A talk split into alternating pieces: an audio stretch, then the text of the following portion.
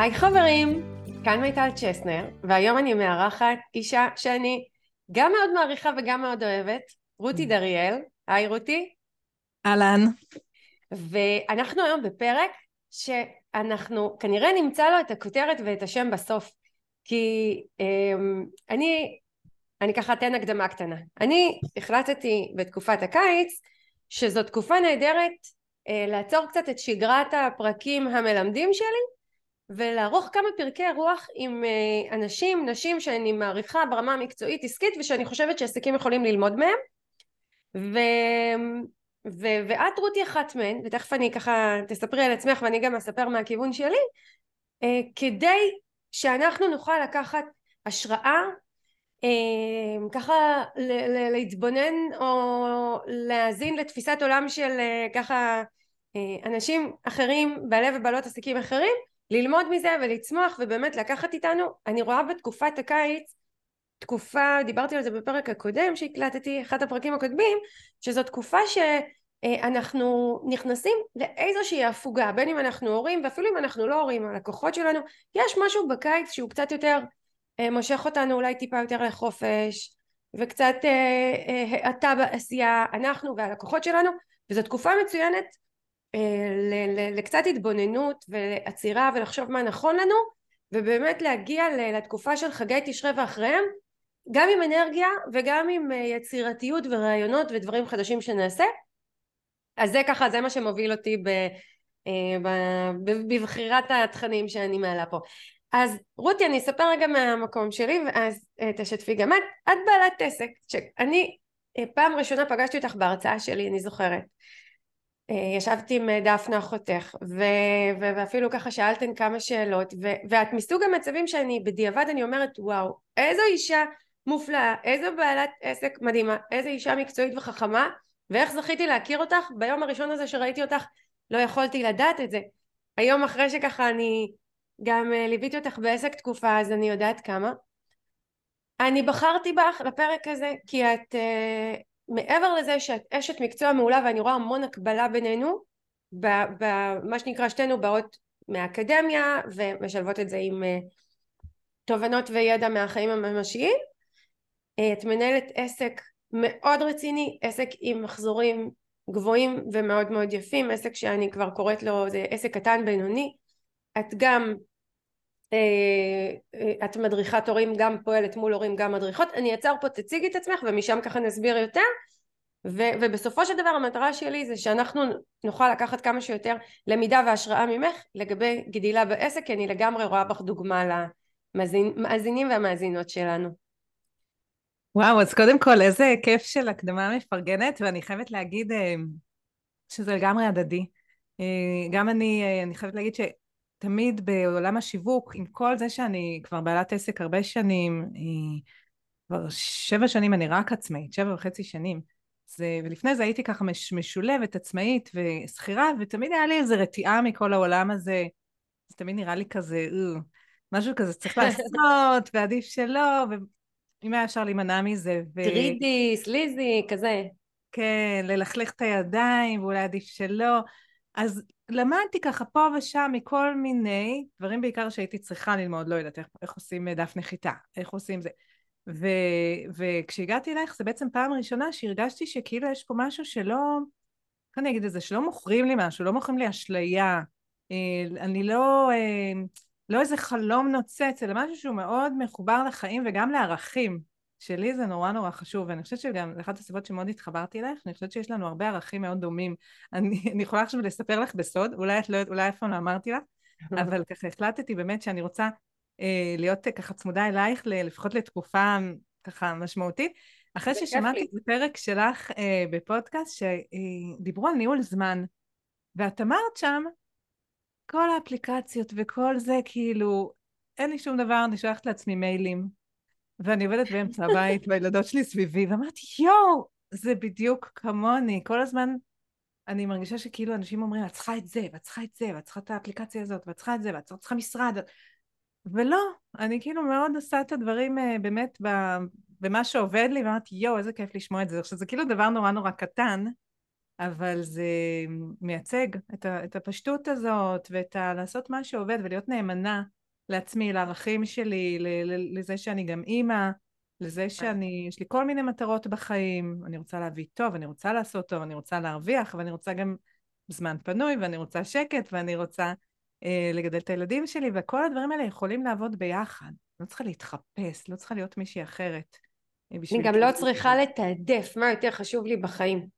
גם העסק חשוב לי וגם הילדות שלי חשובות לי וגם האימהות שלי וגם הזוגיות שלי וגם הטיולים שלי הכל חשוב ואני לא מתכוונת לתעדף ואני לא מתכוונת אה, להחליט מה יותר חשוב אני משלבת הכל. נכון וזה משהו שאת הרגשתי שאת מביאה נורא חזק ואמיתי לא כאיזה כותרת או איזה סיסמה או כדי למכור משהו אלא באמת כי זה מה שזה. ו- וזה מאוד מאוד uh, מחבר בעיניי. איזה כיף אמרתי שאנחנו שאני רואה אה, הרבה הרבה דברים דומים אצלנו נכון.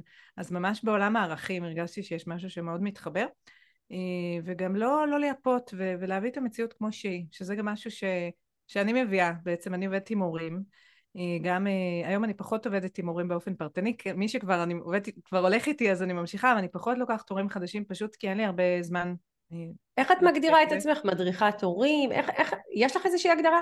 אני פסיכותרפיסטית ומדריכת הורים, מה שאני עושה בפועל היום בזמן שלי זה אה, גם אה, להכשיר אנשי מקצוע, יש לי תוכנית הכשרה למדריכי הורים, אה, שהיא בליווי אקדמי של אוניברסיטת חיפה, שזה נחמד, וחוץ מזה אני גם מלמדת הורים, יש לי קורסים להורים, וזה פחות מלמדת, זה יותר מלווה אותם בתהליכי ליווי בקבוצה, שזה גם משהו שאני נורא נורא אוהבת ונורא נהנית ממנו ולא רוצה לוותר עליו. אז אני עושה בעצם בעיקר את שני הדברים האלה, וקצת קצת פוגשת אה, הורים שכבר הולכים איתי תקופה, אה, אז אני גם פוגשת אותם ככה במפגשים פרטניים, אה, אבל זה ממש פחות, פחות הפוקוס.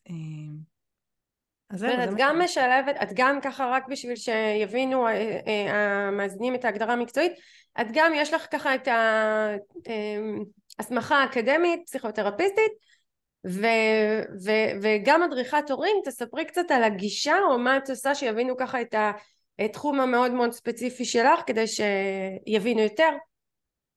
אוקיי, okay. אז כן, אני פסיכותרפיסטית, זה אומר שיש לי תואר שני טיפולי, ואחרי התואר השני וניסיון עוד הלכתי ולמדתי בית ספר לפסיכותרפיה, כי גם זה תחום שהיום יש בו כל מיני פרשנויות, אבל עשיתי את הדרך הנורא מסורתית.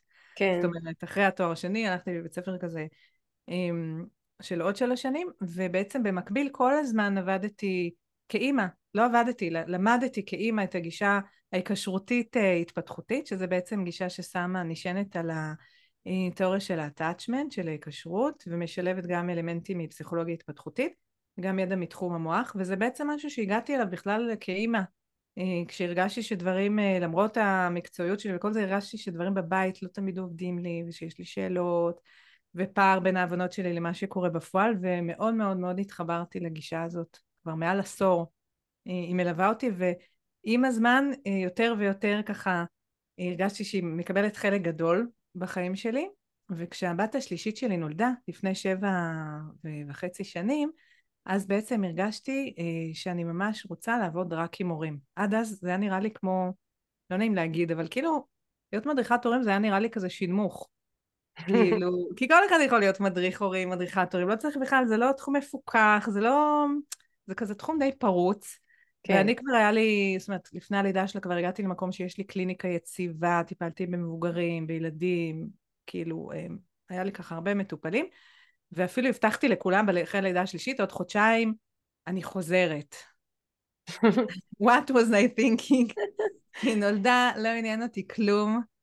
בכלל לא רציתי, אז דחיתי את זה קצת וזה, ואחר כך הבנתי, פתאום הכתה בי הכרה שאני רוצה לעבוד עם הורים, אני לא רוצה לטפל יותר בילדים, למרות שעשיתי את זה המון שנים ומאוד אהבתי את זה, אמרתי, אני רוצה לעבוד עם ההורים, יש להם את הכוח הכי חזק להשפיע על הילדים, ואני רוצה לתת להם את הכוח הזה, אני רוצה להעצים אותם, שהם ידעו איך לגדל את הילדים שלהם, כי אני כמטפלת יכולה להיות הכי טובה בעולם, אבל אני את הילד שלהם לשעה בשבוע, והם מגדלים אותו. אני רוצה ש... שהם ידעו כמה כוח במובן החיובי יש להם בידיים ושידעו איך להשתמש בו. ובעצם אז העברתי ככה את הפוקוס. לא הבנתי כלום, לא ידעתי כלום על העולם של אה, להיות כאילו עצמאית ו- ולשווק, כי לפני זה היה לי קליניקה, אבל היא תמיד הייתה במקביל לעבודה שלי כשכירה. ואז בעצם התחלתי לבנות את זה לאט לאט, את העבודה שלי מול ההורים. בעצם אה, אני אגיד כמה מילים על זה ככה גם בתפיסת העולם שלי כי זה מוביל גם לאיך שאת מנהלת את העסק. אני, אני מאוד מפרידה בין טיפול לבין הדרכה כי טיפול מצד בעל בעלת המקצוע יותר תגובתי. אה, זאת אומרת באים אלייך הורים עם איזושהי סיטואציה ואת מגיבה לסיטואציה ומתוכה אפשר לפתור אותה לפעמים להקל לא ממש לפתור ו... ו- וזה המקום הטיפולי שככה באת ממנו ואז אבל המקום של ההדרכה הוא כבר מקום אחר הוא מקום של מצד אחד למנוע אה, סיטואציות אה, לבוא מראש בגישה שמעצימה ומחזקת ו- ומצמצמת את הסיכוי למשברים וגם אם יש משברים תופסים אותם כשהם קטנים ו- וצומחים מהם. אה, אני מאוד מאוד אוהבת את התחום של ההדרכה אה, אני אפילו ב- אני חושבת שאני קוראת לעצמי יותר מהכל מורה. אני mm. מרגישה את זה ככה באיך שאת מתארת מה שנקרא אם אנחנו חוזרות למה שאמרת בהתחלה אז, אז להיות מדריכת הורים כבר הופך להיות אה, מקום מאוד עוצמתי ככה בחוויה שלי. מעניין הפרשנות שלך זה כי אנשים גם יכולים לקחת הדרכת הורים לכיוון הרבה יותר שטחי של כן. אה, תבואו ואני אגיד לכם מה לעשות XYZ ואז כזה במקום הזה אני קצת זזה באי נוחות מההגדרה הזאת ואני הרבה פעמים אוהבת לקרוא למה שאני עושה סוג של טיפול בהורות. אבל האופן שאת הגדרת את זה אני מאוד מתחברת אליו כי זה כן. בדיוק זה. זה לתת להורים את הכוח שלא יהיו תלויים כל הזמן במישהו חיצוני שיגיד להם מה לעשות אלא להתחבר לא, לאינטואיציה הפנימית שלהם אבל לא ממקום אינטואיטיבי רוחניקי כזה כאילו אלא מתוך ידע מתוך... כן. וזה גם לוקח אותך למקום שהוא יכול הרבה יותר להנהיג mm-hmm. ולהוביל דעה ומאשר מקום שהוא תגובתי.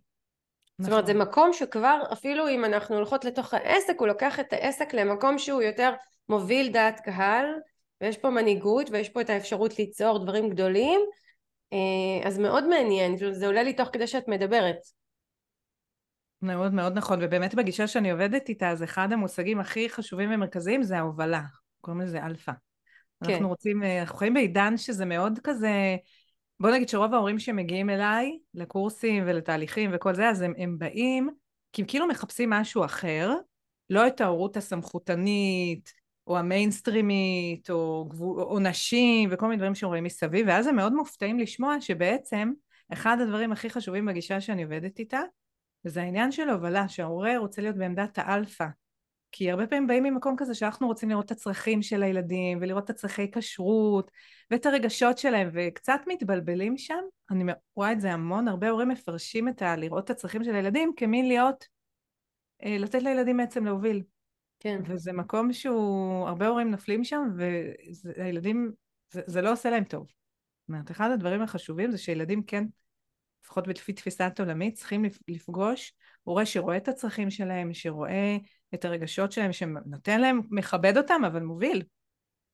זה מדהים, את, מספר, את אומרת את זה, ומעבר לזה שאני כאימא גם מבינה וגם מתחברת, אה, אז אני הרבה מקבילה לנושא של אנחנו כבעלי בעלות עסקים מול לקוחות שלנו, שזה ממש אה, דומה, אני חושבת שזה פשוט אה, לאן שהעולם שלנו הולך ודינמיקה שאנחנו צריכים מה שנקרא להכיר, להבין, להתנהל בתוכה, המקום הזה שמוביל מתוך כן מחשבה על מישהו אחר, גם אני מול הלקוחות, אני חושבת על הלקוחות, אני מבינה מה עובר עליהם, אני מבינה מה מאתגר אותם ומה הם צריכים, אני גם, יש את המקום שבו אני מאפשרת להם אה, לבטא את עצמם ואפילו לבעוט, ויש את המקום שבו אני אומרת סטופ, מפה אני לוקחת את המושכות ומובילה, ממקום מנהיג, לא ממקום שאומר להם מה לעשות, לא ממקום שמעניש, לא ממקום שרודה במישהו, אה, ובטח לא ממקום שמתאכזב או מתוסכל, אלא באמת ממקום שאני מבינה שאני אה, כדי אה, למה שנקרא לנהל עסק פעיל ו- ויציב אני כן צריכה להוביל אחריי אנשים. אני חושבת שזה מאוד מאפיין את היכולת אה, של עסקים בעיקר עסקים מתחום הייעוץ, אימון, טיפול אבל לא רק ממש אני יכולה לקחת את זה לתחומים של אה, מוצרים, אופנה, עיצוב הכל אנחנו בעידן שאני חושבת שממש ממש זו, זו, זו פרשנות שלי אבל אני חושבת שהאנשים ההמונים מחפשים מישהו שיתפוס להם את היד ו- ויגיד להם מה לעשות לא בהיבט התעשי 1 2 3 אלא שמישהו כבר יביא פה קול משמעותי נוכח בולט שיודע מה הוא עושה. כי העידן הזה, שמה שנקרא, כולם יכולים לעשות הכל, וכולם צריכים לעשות הכל, ו- ומה שנקרא, הכל אפשרי, ואני במרכז, הוא מצד אחד כביכול עושה לנו טוב, מצד שני, הוא, הוא עוצר אותנו במקום, הוא לא מאפשר לנו להתקדם ולהשיג הישגים. את מדברת על זה? אותנו. ממש, אני אוהבת לתת בקורסים שלי את הדוגמה הזאת. זה כמו שנניח תלכי לטיול. אה, סתם, את יוצאת עכשיו לטרק בנפאל, אוקיי? ו... ויש מדריך. עכשיו בצד אחד יש תהום, בצד אחד יש הרים, ואת הולכת עם המדריך והוא שואל, מגיעים לצומת כזאת, פנייה, והוא אומר לך, מה את אומרת, ימינה או שמאלה? אז יכול להיות שבפעם הראשונה שהוא ישאל את זה, תגידי, וואי, איזה מגניב שהוא שואל אותי ואכפת לו מה אני רוצה. אבל אם כל הטיול מתנהל ככה והוא כל הזמן שואל אותך, יש מצב שזה יהיה סיוט, את תלכי ואת כל הזמן תפחדי שאת תפלי לתהום, כי אין לך מושג לאן הולכים, וגם הוא אין לו מושג, אחרת הוא לא היה שואל אותך כל שנייה. אז אנחנו לא רוצים להיות המדריך הזה, גם בתור הורים וגם, אני חושבת, כמי שמנהלים עסקים, ככה אני תופסת את זה, לא רוצים להיות במקום הזה שמצד אחד כל הזמן שואל. ומצד שני גם לא רוצים להיות המדריך הזה שאומר בואו ולא שם לב והולך ולא שם לב אם אני עכשיו עוצרת לשרוך את הנעליים הוא כבר בפיס דלמו ואני צריכה לרוץ אחריו והוא לא, לא ער לקצב שלי והוא לא ער לצרכים שלי והוא לא שם לב מה מעניין אותי.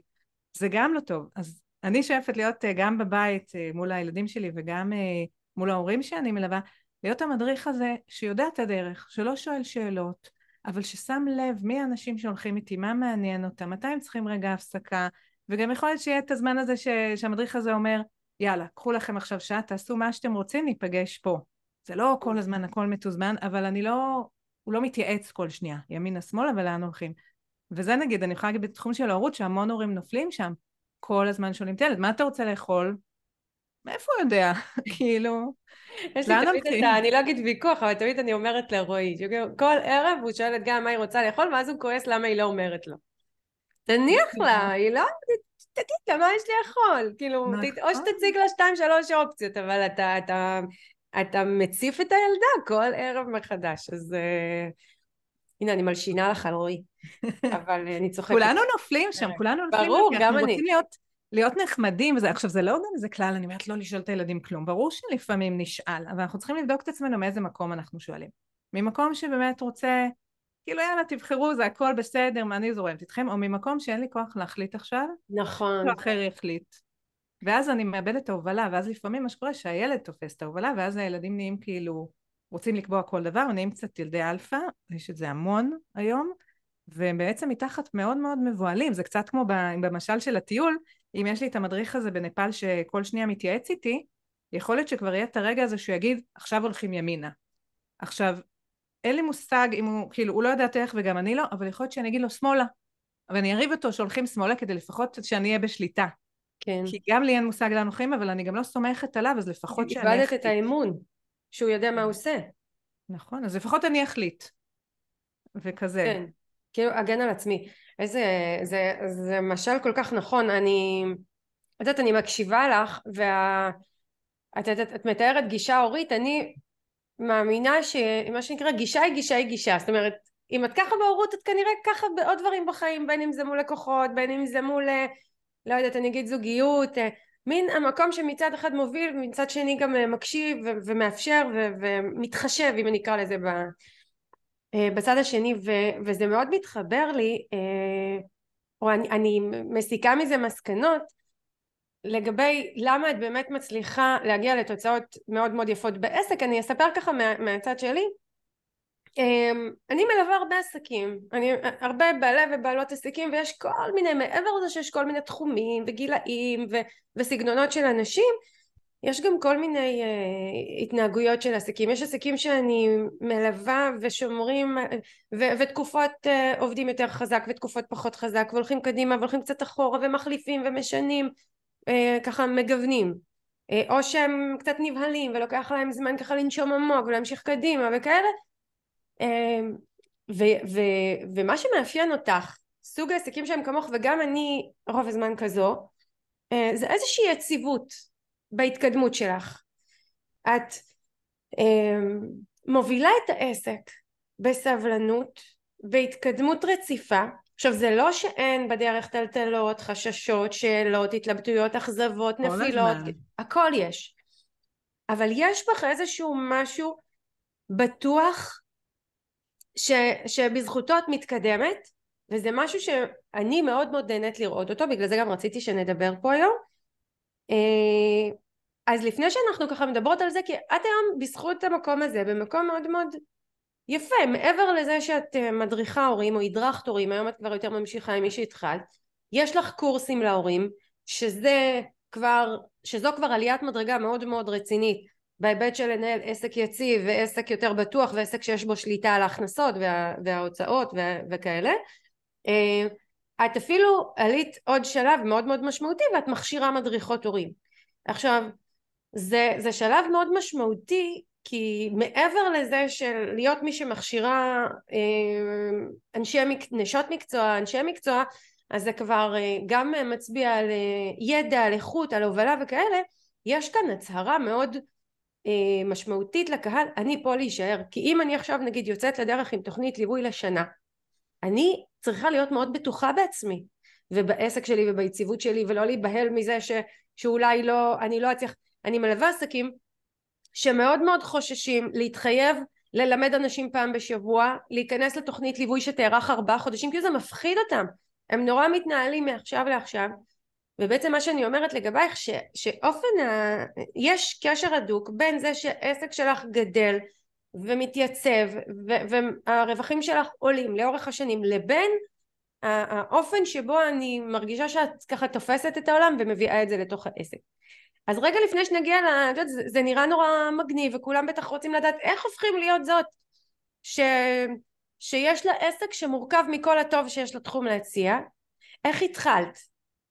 מאיפה זה התחיל? מה, מה, מה היה שם בהתחלה? האם כל הזמן חשבת שיהיה לך כזה עסק גדול, שתכשירי מדריכות, שיהיו לך קורסים, האם ראית את זה או, או, או שהתנהלת אחרת? מעניין אותי לדעת. אז ברור שלא ראיתי את זה, אני הבן אדם הכי לא מתוכנן. ראי אה, שקבענו, האופן שקבענו את השיחה היום, אה, שזה היה חצי ספונטני. כן. אני, עכשיו אנחנו ב, מקליטות את הפרק ביולי, אה, אני כן. יודעת שאני רוצה חופש כאילו, ופיניתי את הזאת, אין לי מושג לאן ניסע, כאילו, אני הבן אדם הכי לא מתוכנן בערך בעולם, אבל אה, כן ידעתי שיש לי משהו שמאוד חשוב לי להביא ולהוציא, זאת אומרת, כשהיה לי את, ה, את הדבר הזה שאני רוצה לעבוד עם מורים, שזה הקטע שלי, ושם אני רוצה לשים את האנרגיה, אז כבר היה לי 15 שנה, אולי אפילו קצת יותר ניסיון בקליניקה, זאת אומרת, לא הגעתי מאפס. זאת אומרת, זה גם משהו שחשוב לזכור, אני חושבת שכבר הבאתי איתי, זה בשלות מקצועית. אמ, כן. אבל לא הבנתי יותר מדי בעולם הזה באמת של להיות עצמאית. אה, אז לא חשבתי רחוק, אני חייבת להגיד. לא תכננתי, לא ידעתי לאן זה יגיע, לא ידעתי לאן הדברים ייקחו אותי. אמ, ומה שכן עשיתי זה, זה מאוד הבאתי את האיכויות של מה שאני בעצם מלמדת, הגישה הזאת שאני עובדת איתה, גישה היקשרותית התפתחותית, אני גם חיה אותה בבית, בהורות שלי, גם מלמדת אותה וגם היא משפיעה בכלל על תפיסת העולם שלי. זה כאילו העיניים דרכם אני רואה את העולם. ואחד הדברים שאנחנו מדברים עליהם זה בעצם, זה גישה שהיא נשענת על התפתחות. יש התפתחות, זה כמו צמח. את לא עכשיו זורעת, אה, לא יודעת מה, אה, אני נותנת לפעמים בקורסים שלי את הדוגמה של עגבניה. את זורעת זרע של עגבניה, אין לך ישר עגבניה. נכון. בהתחלה אין לך כלום. אחר כך יש לך כמה כאלה, כאלה נבטים. ואז הם צומחים, ואז את יודעת איך נראה פרח של עגבניה? לא. הוא צהוב, ושעיר כזה, והוא לא נראה בכלל כמו עגבניה. ואם את לא מאמינה באיזשהו מקום בכוח של הטבע או באיזושהי התפתחות של דברים, אז את יכולה להיכנס לפאניקה ולהגיד וואי וואי, צריך ללמד את הפרח הזה להיות עגבניה, אני אקח אותו למומחים, ניתן לו תרופות, אה, ניתן לו מדבקות, לא יודעת מה, הוא צריך ללמוד. לא, את מחכה בשקט, את ממשיכה להשקות ובסוף יוצאת לך עגבניה. זאת אומרת, יש פה איזשהו תהליך התפתחותי, ויש לנו פה איזשהו שותף, בואו נקרא לזה הטבע. אוקיי? תהליכי התפתחות.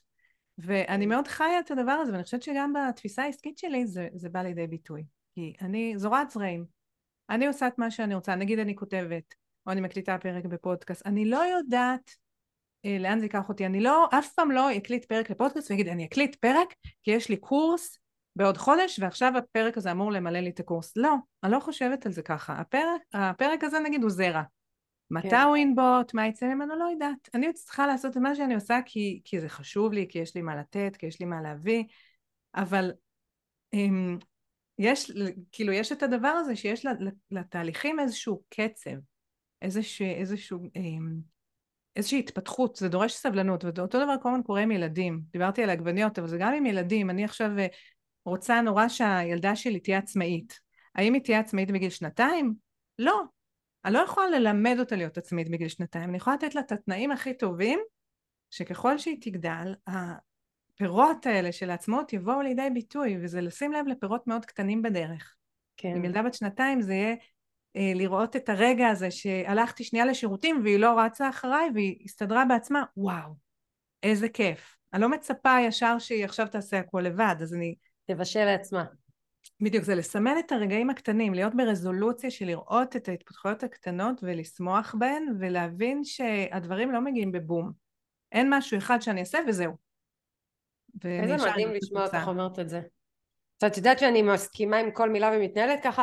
אני אשאל אותך, את אמרת, באתי עם ניסיון של 15 שנים בקליניקה, ו- ואני רוצה להגיד לך שזה לא מובן מאליו, שוב, כי אני מלווה הרבה עסקים, ויש אנשים שהגיעו מקליניקות יציבות, וכשעברו להיות עצמאים, לא היה להם את, ה- את האורך רוח הזה, כן אה, להיות סבלנים ולהתחיל להביא אנשים באופן יזום לקליניקה שלהם, ובטח ובטח לעשות את המעברים לתהליכים אה, מובנים יותר, קורסים, אחר כך הכשרות, באמת יש פה דברים מאוד מאוד משמעותיים מעבר לזה שזה משמעותי למכור אותם, זה משמעותי בכלל להיות זו שמחליטה להוציא דבר כזה לפועל, להיות זו שאומרת אני הולכת ליזום קורסים משל עצמי, אני לא א' נציגה של אף מכון, אני לא... הייתי בהתחלה נציגה של מכון בשנים הראשונות.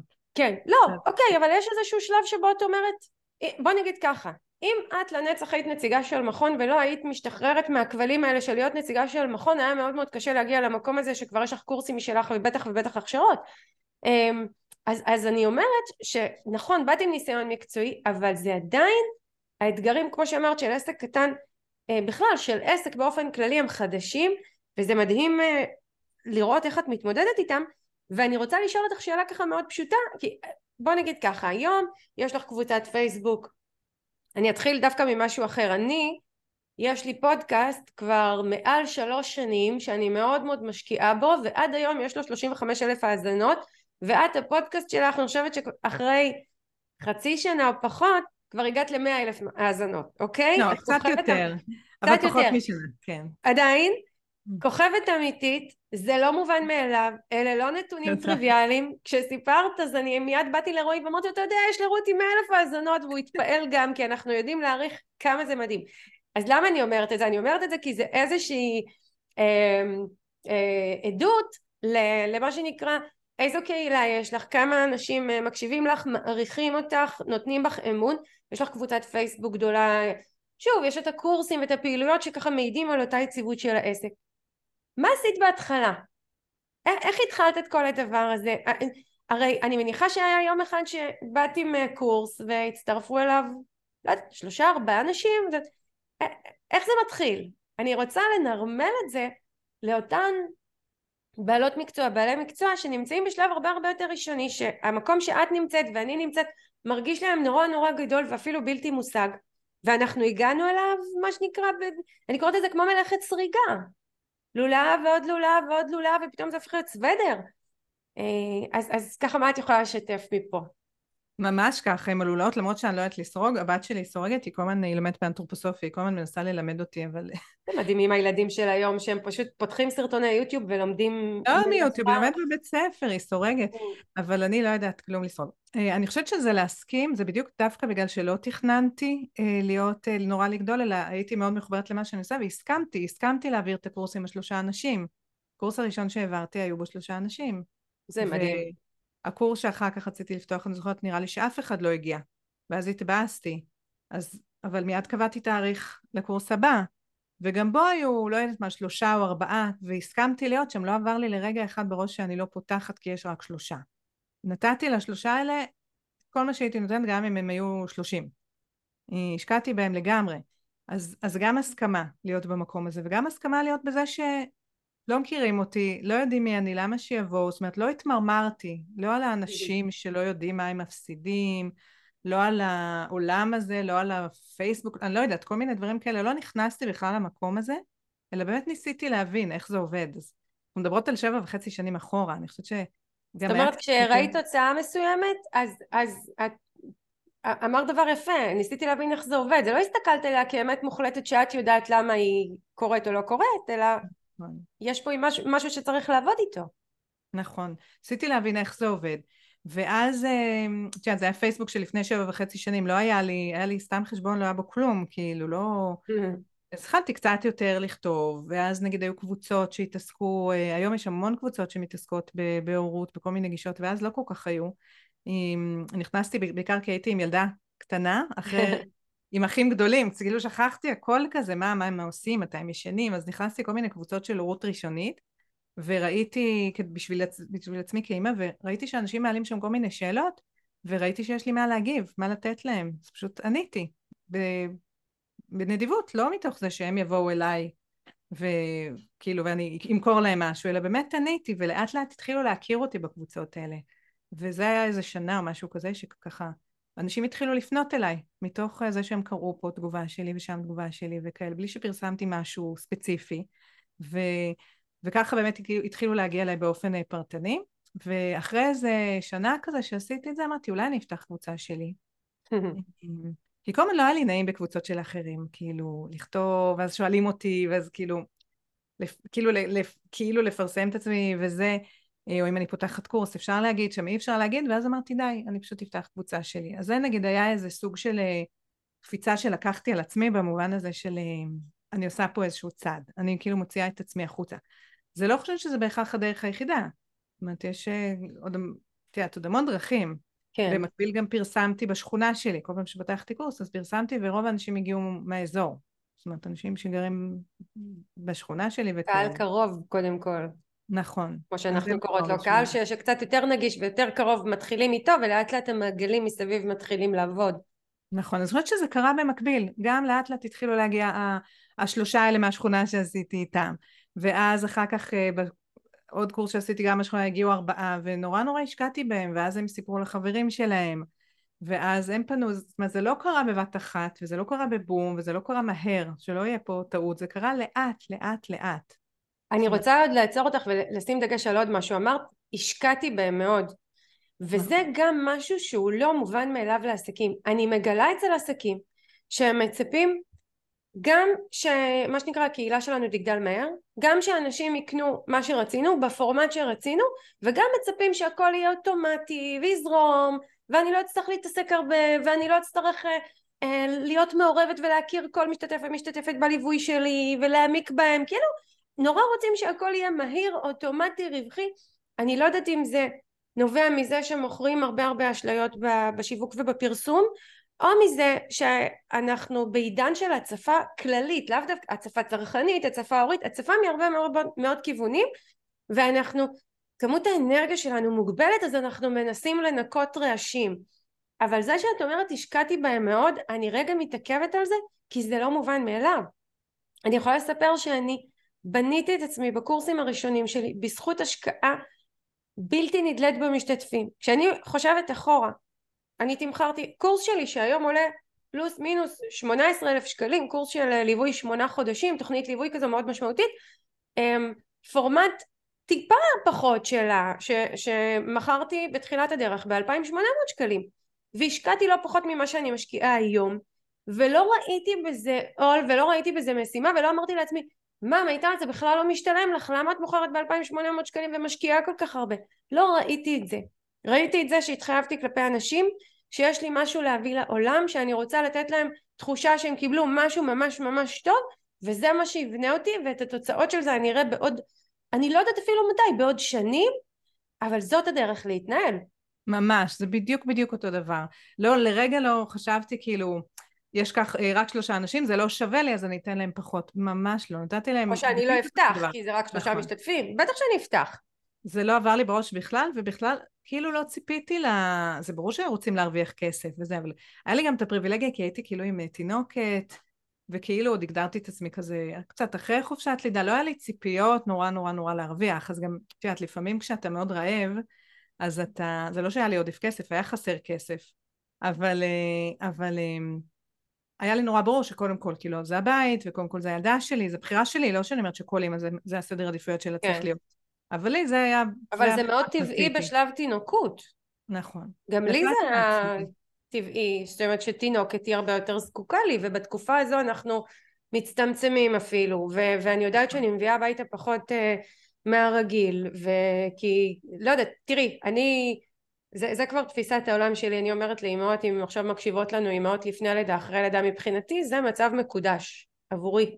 אני חושבת שאישה אחרי לידה צריכה לנוח אני חושבת שהיא צריכה להחלים מהלידה ומההיריון וכל מה שזה ואני חושבת שהיא צריכה לאפשר לעצמה ולתינוק לתינוקת שלה את הזמן עד שהיא תרגיש שהגיע הזמן לשחרר קצת ו- ולהיפרד יותר. ו- ולמה אני עוצרת רגע ואומרת את זה? שזה לא קשור לפרק שלנו אבל אני כן חייבת להגיד כי יש לי לא מעט מאזינות שהן אה, אה, נשים שהן אחרי לידה וכאלה אה, זה, זה א', יש מצבים בחיים שהם ראויים לעצירה, ראויים שאנחנו נשים דברים לפני הרווח שלנו, והם זמניים. וזה אחד מהם, ואני רוצה לתת לגיטימציה לאותן נשים שהן אחרי לידה ומרגישות צורך להאט כרגע בעסק, גם על חשבון ההכנסות. מבחינתי האישית זה מבורך, אני מעודדת את זה, ואני גם יודעת שזה זמני וזה נגמר.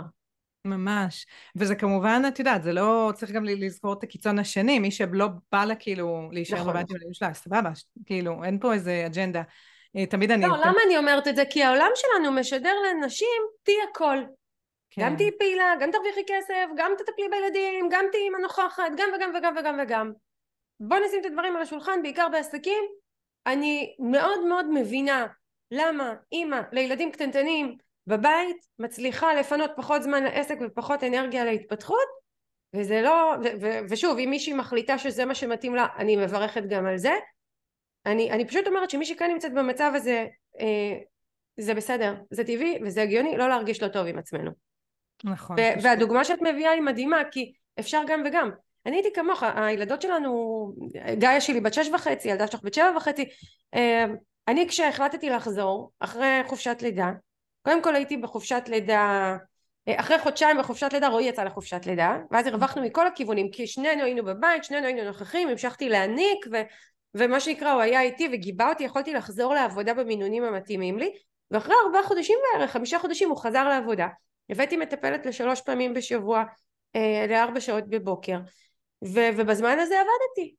כאילו שילבתי במינון המתאים לי ו... אז גם אצלי אני חושבת, הייתי נורא מושקעת בה, והעבודה, כאילו מה שעשיתי, שהתחלתי ככה לפתח, זה גם היה הזמן הזה בשבילי, שהייתי צריכה קצת בנפרד ממנה. אה, זה היה זמן התפתחות שלי גם, בעוד אה, צורות, אבל, אבל לא היה לי שם, זאת אומרת, זה, זה סיפק עוד צרכים. את הזמן שלי בנפרד, את התחום העניין שלי, את מה שיש לי להביא לעולם, וזה לא היה רק סביב כסף. כן. ו... ואז בגלל זה גם לא, לא, לא הייתי חשבונאי, כאילו לא... לא עשיתי חשבון, כן, לא עשיתי, לא, לא פתחתי את הפנקס, אמרתי, רגע, כמה עלה לי פה, כמה הרווחתי לשעה, כאילו, לא, פשוט עשיתי, ואמרתי, בוא נראה מה, מה יצא מזה. כאילו, יכולתי לתת איזשהו צ'אנס ולהיות סבלנית.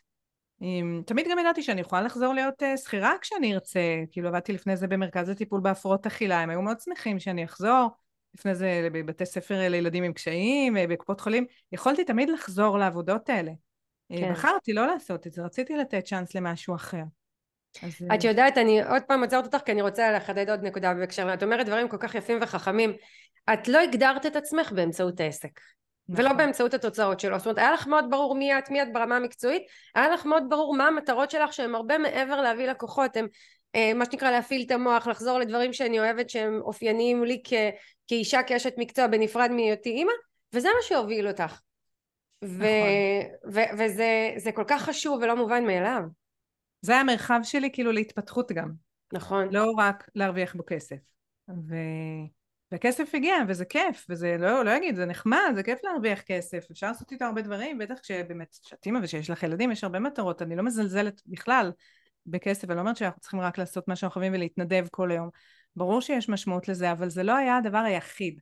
אה, ולא, ובטח לא אה, צמוד לתוצאה, כאילו, כן. עשיתי פעולה, עכשיו תוצאה, חייבת להתבטא בכסף, לא. היה לי כאילו איזשהו אורך רוח, וכמו שאמרתי, זה גם אורך רוח מול הילדים. לא יודעת מה, נכון. יש לילד uh, טנטרום, אני לא מצפה שאיך שאני אגיב עכשיו, עכשיו, עכשיו, יגרום לזה שלעולם לא יהיה לו טנטרום.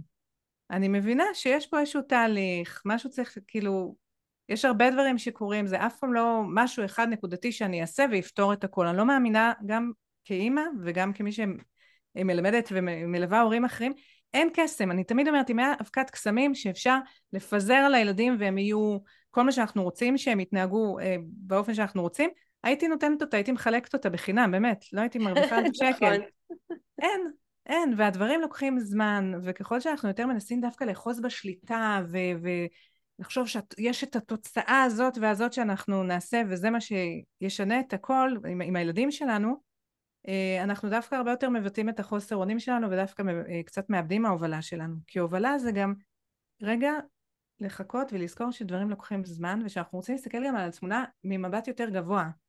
להסתכל על תמונה יותר גדולה. לא רק על הפסיק הנקודתי כל הזמן. אני תמיד מראה בקורסים שלי של מתחילים את הספר הזה, זום, לא יודעת אם את מכירה אותו. לא. זה ספר נורא חמוד, הוא כולו ציורים. זה מתחיל באיזה ציור שאת לא מבינה מה קורה, ואז כאילו, כאילו התמונה מתרחקת, התמונה הבאה, אה. רואים שזה קרבולת של תרנגול, ואז מתרחקים מאוד, ורואים ש... לא משנה, רואים גם כל פעם יותר מרחוק, זום אאוט, זום אאוט, זום אאוט, עד שכאילו בסוף כבר כזה יוצאים מכדור הארץ. כן. ויש לנו לכולנו נורא נטייה להיות בקרבולת של התרנגול, גם uh, בהורות שלנו, גם ב- ב- בעסקים, בכל דבר, וצריך שנייה רגע לקחת את הזום אאוט, ולראות את התמונה נכון. רגע יותר בגדול. זה, זה, זה לא הכל נקודתי, זה לא הכל ליניארי. וזה, וזה ממש ברמה של uh, תפיסת עולם. זה לא... זה מאוד מתחבר לי, אה, השבוע, שב... לפני כמה שבועות כשעשיתי את כנס עסקים גדלים בנחת, אז נשאלתי שם על ידי שתי משתתפות לגבי, מיטל מה את עושה כשמתקשרים לקוחות אה, ואת לא מצליחה לסגור, לקוחות קרים, אה, אה, איך מציבים גבולות מול לקוחות, כל מיני שאלות שהרגשתי שאם מראש נתנהל נכון בהובלה ובמנהיגות זה בכלל לא יגיע וגם כשזה יגיע אני לא אצטרך להתמודד נקודתית עם כל מיני סיטואציות אלא אני אדע להגיב מה שנקרא מגבוה מלמעלה מה, אני קוראת לזה מעל הבמה שלי. ו, להציב גבולות מול הלקוחות ולא להיבהל מזה שמישהו אומר לי שהוא שמע אצל מישהו אחר מחיר יותר נמוך ולא להיבהל מזה שהוא לא מקבל החלטה ועוד כל מיני דברים. מה שאת מציגה זה ממש גישה זה ממש תפיסת עולם שהיא אצלך באופן כללי בחיים גם כאימא גם כבעלת עסק ואני מאוד אוהבת אותה זה, זה באמת לעשות את אותו זום אאוט ולהסתכל על הדברים מגבוה ובפרספקטיבה ואפילו ממרחק ולמרחק. אני תמיד אומרת ש אני עכשיו יוצאת מהבית ואני נוסעת לאילת. אז אני לא רואה את אילת. כשיצאתי מהבית אני לא רואה את אילת. אבל אני יודעת שאני בדרך. ויכול להיות שאני אני נוסעת נוסעת נוסעת ולוקח המון המון המון זמן עד שאני רואה את אילת אבל ויכול להיות אפילו שאני אתבלבל ואני אטעה בפנייה ואני אצטרך להסתובב הכל יכול להיות אבל אני בסוף אגיע ו... וקצת לפני אני אראה אותה ויכול להיות גם כשאני אגיע אליה והיא לא תהיה כמו שחשבתי שהיא. לא, זה כל כך מצחיק אותי, באמת אפילו הדוגמאות שלנו, כי אני, אני תמיד נותנת דוגמה, נגיד לכוונות טובות, אוקיי? ואני אומרת, כוונות טובות זה כמו ווייז, וזה ממש דומה רק מכיוון אחר. למה? מה זה כוונות טובות? זה נניח אני קמתי בבוקר והחלטתי שהיום אני אהיה אימא נורא נחמדה, ואני אהיה סבלנית לילדים שלי, ואני אתעניין בהם, ו- וכל זה, ואני לא, לא אכנס למאבקים, אני אהפוך דברים למשחק. הגיעה איזושהי שעה בערב, אין לי כוח לכלום, אני אומרת, צורחת עליהם, לכו למיטות, אוקיי? ואז משהו שקורה להרבה הורים. ואז עכשיו אפשר להגיע למקום הזה של שיט, מה אני שווה, כלום לא עובד לי, ואני כאילו... וה... אני לא בנויה ו... לזה, זה לא בשבילי. בדיוק, והגישה הזאת, זה, זה לא עובדת. ואני אומרת, דווקא פה, ברגעים האלה של הכישלונות והדברים שלא מצליח לנו כהורים, אמ, וכבני אדם בכלל, הכוונה שלנו היא כל כך חשובה, ואני אומרת, הכוונה היא כמו ה-Waze שלנו, כי אם אני אומרת, זה הכוונה שלי, אני רוצה להיות יותר סבלנית, אז אה, זה אומר שאני מיד אצליח לעשות את זה? לא, זה אומר שאני לפעמים אולי גם צריכה לכבד רגע את הגבולות שלי. אולי יש איזו שעה שאחריה אני כבר לא יכולה לתפעל יותר ילדים, אז זה ממש בסדר. ואולי הצבתי לעצמי ציפיות לא הגיוניות. נכון, אולי לא דאגתי לעצמי, אולי הציפיות שלי לא ריאליות, אבל אם הכוונה שלי היא, היא להיות נניח, סתם אני לוקחת את הדוגמה, זה יכול להיות אלף דברים להיות סבלנית, אה, או, ל, או ל, לראות את הצרכים שלהם, אני אגיע לשם, זה כמו ה-Waze, וה-Waze לפעמים לוקח אותנו עכשיו באמת לאילת, אולי הוא ייקח אותי דרך ג'לג'וליה, הוא עושה לפעמים דרכים מאוד מוזרות, אבל בסוף אני אגיע, זה ממש הדוגמה. ואותו דבר גם על הילדים, את, את מדברת, נגיד הילד החטיף עכשיו לאח שלו, ואת מדברת איתו אחר כך והוא אומר אה, לא התכוונתי, ואת אומרת יופי ואת מרוצה מעצמך וזה, ויום אחר כך הוא שוב מחטיף לאח שלו. ואז את יכולה להיכנס לקטע של מה, צריך עונש, הוא לא הבין. לא, לא נזלזל בכוונה הטובה. הכוונה הטובה שלו הייתה שם. הוא התכוון באמת. עכשיו צריך לבדוק מה הפריע לו. מה הפריע לו בדרך. יכול להיות שיש שם תסכול, יכול להיות שיש שם קינה. יכול להיות שהוא לא בשל והמוח שלו עוד לא כל כך מצליח אה, להחזיק את המקום הזה והוא מאוד אימפולסיבי. אני רוצה לראות, אני לא מתעלמת מהמציאות. אני אחפש מה מפריע ואני אסיר את המכשולים, אבל אני לא מזלזלת בכוונה. ונגיד המשפט הזה, הדרך לגיהנום רצופה בכוונות טובות, כן. משפט שאני לא אוהבת, כי הוא משפט נורא התנהגותי, במובן הזה שהוא מסתכל על התוצאות, ואני, המו, התפיסת עולם שלי והתפיסת הורות שלי, וכל הגישה שאני מביאה היא מאוד אחרת, שאנחנו לא מסתכלים על התוצאות, אנחנו מסתכלים על התהליך ועל הדרך, ובדרך הכוונות הן נורא נורא חשובות. איזה יופי שאת אומרת. אני הרבה פעמים אומרת אה, שחשוב שניצור תוכנית של עשייה ולא תוכנית של תוצאה, ואני עכשיו מוסיפה לנוכח מה שאת אומרת, שתהיה לנו גם כוונה. זה כאילו... ולעשות זה... את התוכנית זה הכוונה שלנו. בדיוק, זה, זה, אה, אה, זה כמו שאני מכוונת את ה-Waze למקום מסוים, אז זאת עשייה, אבל שתהיה לי גם כוונה. ואז ככה, זה סיפור אמיתי, לפני כמה שנים אה, היינו באוסטריה עם המשפחה של רועי. והיינו בשלושה רכבים נפרדים, היינו הרבה אנשים, וידענו לאן אנחנו צריכים ללכת, וכולנו כיוונו את ה-Waze. ואנחנו נוסעים ונוסעים ונוסעים, וזו נסיעה של שלוש שעות וחצי אחרי טיסה, כן? ואנחנו מגיעים, ואנחנו מגלים ששמנו את ה-Waze לנקודה לא נכונה. אנחנו במרחק שעה וחצי מהמשפחה. וגם אה, לא הייתה קליטה, והם נורא נלחצו, ולא הבינו איפה אנחנו, וזה, לא משנה. אה, כוונות, כוונות. הייתה לנו כוונה להגיע למקום הזה, הגענו למקום אחר, שמחנו על הטכניקה מבלי באמת להיות ערים ולשים לב ולבדוק את עצמנו לאורך הדרך, והגענו למקום הנכון. לא משנה, זה גם לא היה כזה נורא, זאת הייתה חוויה, עצרנו, קנינו קצת חטיפים, אכלנו, שתינו, נחנו, כאילו נרגענו ו- וחזרנו לאן שצריך. אה, אבל כן, אני מאוד מאוד אהבתי שהוספת את זה, את הכוונה הזאת לצד, לצד אותה איזושהי תוכנית פרקטית ו- והיא נותן, היא נוסחת בנו את הביטחון שאנחנו מתקדמים, מתקדמות. אמ, ו... זה ו- העניין, ההתקדמות. כן. נכון. נכון, ומעניין אותי, את יודעת, יש לך ראייה כל כך מפוקחת, אני באמת, אני, אני כל כך מזדהה, ואני, כשאומרים לי, אה, נגיד, אה, מדברים איתי על כישלונות וכאלה, אני, אני אומרת, אני, אני לא, לא מרגישה שהיו לי כישלונות. לא כי, כי היו הרבה דברים שעשיתי ולא הצליחו כמו שהתכוונתי, או פתחתי קורס ואף אחד לא נרשם, או הוצאתי איזשהו פרויקט ואף אחד אפילו לא התעניין, יש לי כאלה דברים, אבל אני לא קוראת לזה כישלון כי מבחינתי מאוד טבעי שדברים כאלה יקרו בדרך. ואני רוצה לשאול אותך אם את מרגישה שלאורך הדרך שלך, זאת אומרת אנחנו מדברות, מדברות על גדילה טבעית שמגיעה מתוך כוונה שאת כן מבצעת פעולות אבל הפעולות האלה זאת את, ברגע שביצעת את הפעולה את מניחה לה, להביא את התוצאות שהיא מביאה ואם התוצאות הן אחרות ממה שחשבת אז אפשר לבדוק את הסיטואציה מה קרה שם כדי לדייק, כדי לשפר את מרגישה שהיו לך כישלונות, אכזבות, דברים משמעותיים שאת יכולה לספר עליהם? אני חושבת שזה קצת דומה למה שאמרת, היו, אני יכולה להיזכר בכל מיני דברים, אה, באמת קורסים שאף אחד לא נרשם, או שהיו מעט מדי אנשים, או שזה דרש ממני יותר ממה שרציתי, או שאני באתי עם איזה משהו שאני נורא מתלהבת וכאילו האנשים לא, לא בעניין בכלל, אני חשבתי שכולם רק חיכו לזה ובכלל כן. לא, לא הייתה איזה, איזה, איזה קורס שפעם עשיתי וכאילו לא, אף אחד לא התלהב מזה, ומצאתי את עצמי נורא נורא צריכה לדחוף עד שאמרתי, טוב, אולי פשוט לא. אה, ברור שזה מאכזב כשאת באה עם משהו ואת נורא מתלהבת ואת אה, כאילו בטוחה מצפה... שעלית על משהו וגילית ש... שכולם רק חיכו לזה. את המתלהבת היחידה, זה קרה לי עם הכנס האחרון.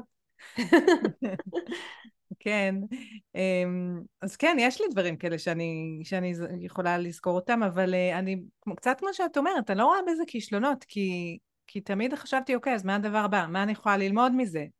כאילו, מה אני יכולה...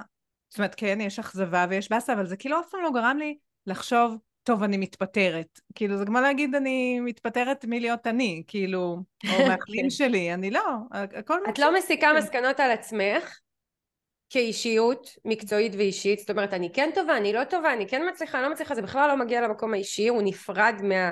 מהתוצאות של העסק ואת אפילו לא מסיקה מסקנות על העסק זה לא שאת אומרת העסק שלי לא מוצלח העסק לא, שלי לא עובד לא. לא את מסתכלת נקודתית על הסיטואציה שקרתה ובוחנת אותה מתייחסת אליה נקודתית ואז כן. בגישה כזו אנחנו יכולות להתקדם כי אנחנו לא מסיקות על עצמנו מסקנות הרסניות עלינו ועל העסק שלנו. ממש, אני ממש לא לוקחת לשם ואני אפילו חושבת ככה דברים, אה, עוד דברים, נגיד דברים שלא תמכרתי נכון, מצאתי את עצמי עובדת נגיד ממש קשה. אמנם אני אומרת לא לעשות את הפנקסנות אבל אם זה נגיד לקחתי לעצמי פרויקט שהוא ארוך ואני רואה שהוא סוחט אותי והוא אפילו לא מתגמל אותי זה מאוד מבאס ואני מחויבת ואני כבר עושה אותו אבל זה מבאס נכון. אה, או כל מיני דברים כאלה היו לי כל הזמן, לא כל הזמן, אבל הרבה. או לקוחה אה, שמאוד השקעת בה ואת מרגישה שהיא לא מצליחה לזהות את זה וחובת תסכול או...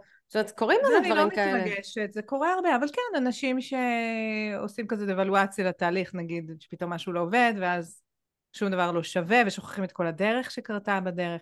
כן, כל, יש הרבה דברים כאלה, אבל זה באמת לא לוקח אותי למקום של אה, כאילו מה אני שווה, מה העשייה שלי שווה, אולי להפסיק, זה אף פעם לא משהו ששובר לי ברוח, אבל אני כן נותנת לעצמי הרבה הפוגות והפסקות. זאת אומרת, אם אני כן מרגישה שזה עושה לי מיוס, אני מבינה שאני צריכה מנוחה, ובשנים האחרונות, וזה הרבה בז... מאז שאני ככה איתך, זה כן קרה, באמת, בזכות אה, דברים שלמדתי על ניהול עסק, כי לא ידעתי, עשיתי הכל מאוד אינטואיטיבי ומהבטן.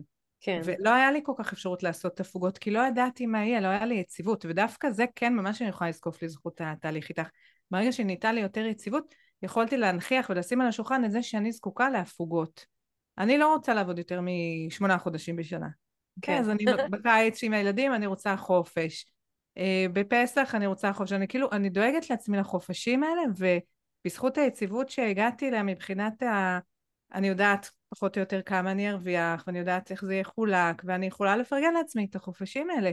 כי הרבה פעמים המאיסות הזאת, או הדבר הזה של אה, אם משהו לא מצליח לי, אה, הוא יכול כאילו לשבור אותי, זה מבחינתי מספר על זה שעברתי את הגבול של עצמי. נכון. שלא כיבדתי את הצורך שלי בהפוגה, במנוחה, ב... כאילו, בלדאוג לעוד אספקטים בחיים שלי. אני מאוד מאמינה במנוחה. כאילו, אין לי בעיה לעבוד קשה, אבל מנוחה זה ממש אלמנט חשוב, ובגישה שאני עובדת איתה זה גם אחד האלמנטים הכי חשובים.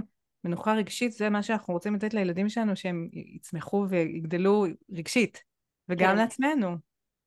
את יכולה לזהות ממש סיטואציות בעסק שזה בלט לך, שאת אומרת, איזה מזל שעצרתי, כי, כי קרו דברים ממש טובים בעקבות זאת.